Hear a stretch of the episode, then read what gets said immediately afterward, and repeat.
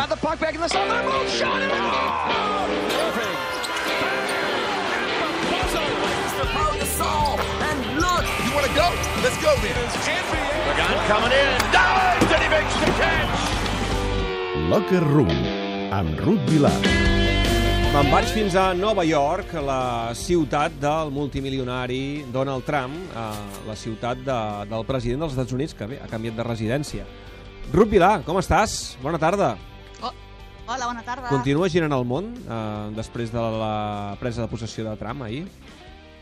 Continua girant el món, però avui una mica aturat per les marxes, eh, les manifestacions que hi ha a tots els Estats Units. Jo, per exemple, m'he traslladat de Brooklyn avui a Manhattan, eh, on hi ha una de les marxes de les dones que es faran a, aquí a tot el país, i, i vaja, eh, ara mateix estic a casa d'uns amics, el Carles i el Jordi comentàvem el tema de les manifestacions, no? que estaven eh, molt sorpresos i molt emocionats perquè hi ha 250.000 persones al carrer a Washington, que per les nostres xifres en què expliquem manifestacions d'un milió de persones ens en semblen poques, però que aquí als Estats Units és molta gent sortint al carrer. Que, Escolta'm, Donald Trump, a, a banda del que pugui fer ell com a president i de la inquietud que pugui haver-hi a nivell mundial i també, lògicament, entre la població nord-americana, um, afecta en algun aspecte esportiu? Sí, ara sembla que parlem de minúcies, eh? Sí, David, sí. Però, però sí, clar, és un nostre, no?, el tema esportiu, i, i sí que a nivell esportiu ara hi ha un tema sobre la taula que amoïna a alguns nord-americans, que és la, la proposta de candidatura olímpica de Los Angeles 2024.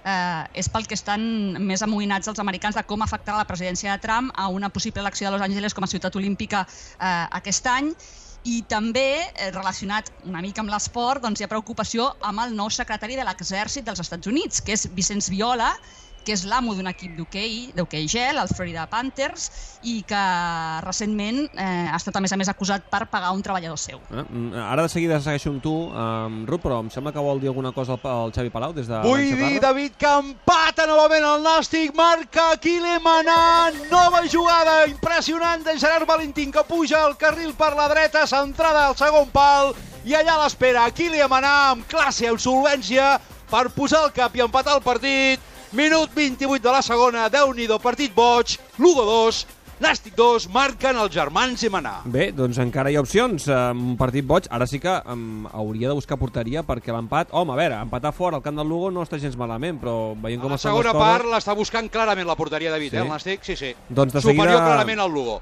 De seguida vinc amb tu, Xavi, vivim al final d'aquest partit, em quedo amb la Ruth parlant d'aquest aterratge de, de Donald Trump, que ja veig que ha generat molta inquietud als Estats Units. Clar, per aquells que l'han votat suposo que no, però hi ha xup-xup, eh, els mitjans de comunicació, entenc que les televisions, la premsa, no es parla de res més, no? Ah, això mateix, i clar, jo també visc en una bombolla, que és Nova York, que és un lloc on no s'ha votat Trump i, i on hi ha un tipus de gent determinada que surten al carrer a manifestar-se perquè no estan gens d'acord amb les polítiques eh, que intentarà implantar o que explica que intentarà implantar el nou president. Però Amèrica és tot un món, Est- Estats Units és tot un món i, i per tant, la realitat que jo visc és, és bastant diferent de, de la realitat dels votants de Trump, que evidentment ha guanyat les eleccions i per tant hi ha molts. Mm, A veure, no, no parlarem avui exclusivament de Donald Trump, eh, mm. però és evident que eh, una de les notícies sobre la taula que volíem comentar amb la Ruth. Avui us volem parlar al Locker Room d'hoquei. Eh, em deies aquesta setmana, Ruth, que ens volies presentar la nova estrella de l'hoquei nord-americà. Això mateix.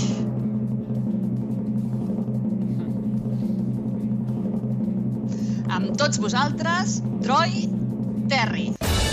Sochin. Now in comes Terry to win it for Team USA. He does it! Troy Terry, the shootout winner. Aquesta gravació és cada un dels gols de Troy Terry, que és el nou heroi de l'hoquei gel dels Estats Units. És un nano que acaba de fer 18 anys.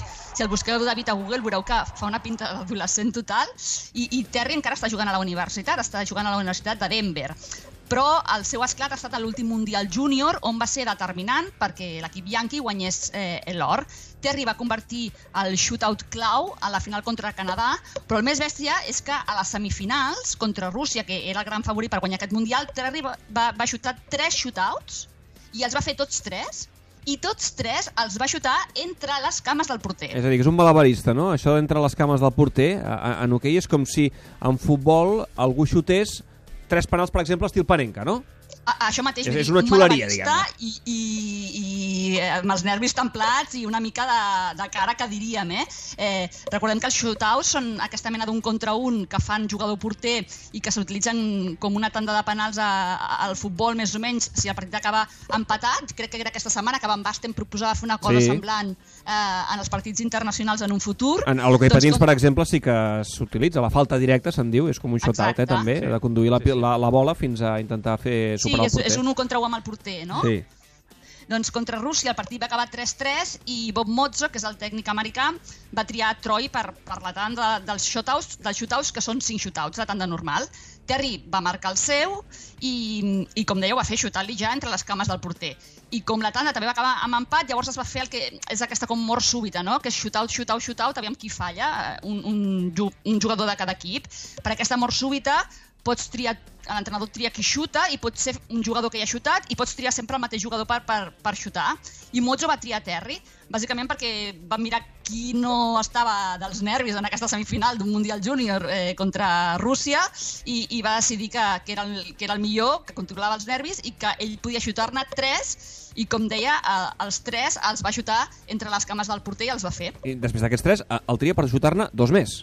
Sí, sí, sí, sí. Uh, va tornar a xatar, els va marcar i a la final eh, doncs tornen a tenir tant de shootout, eh, la final era contra Canadà i, i Troy Terry torna a tenir eh, la possibilitat de marcar i de decidir el campionat, fa el gol, el torna a marcar entre les cames del porter. Una altra vegada entre les cames del porter.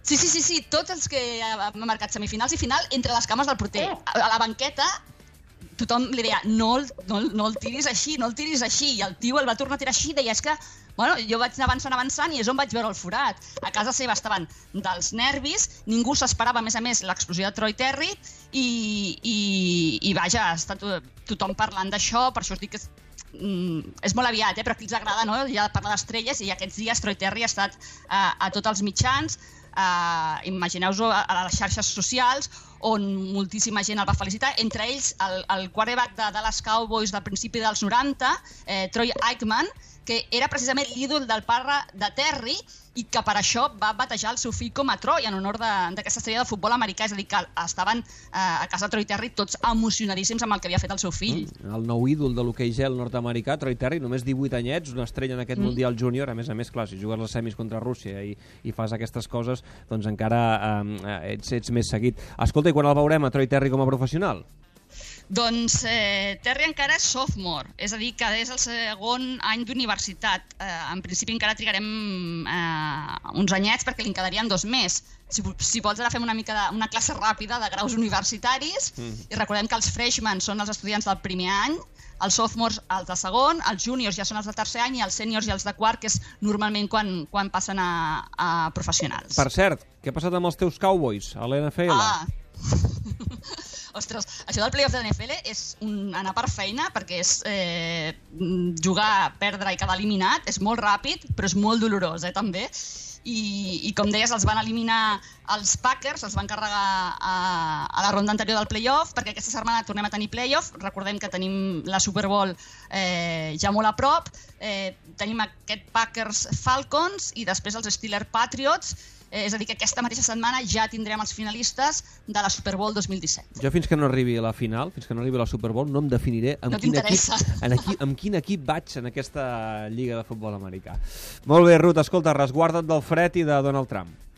Molt bé, em vaig cap a la marxa, a cridar una mica. Ah, Ja em sé mateix. ja sé tots els crits que he de fer aquí. Molt bé, Ruth, gràcies, una abraçada fins la setmana que ve.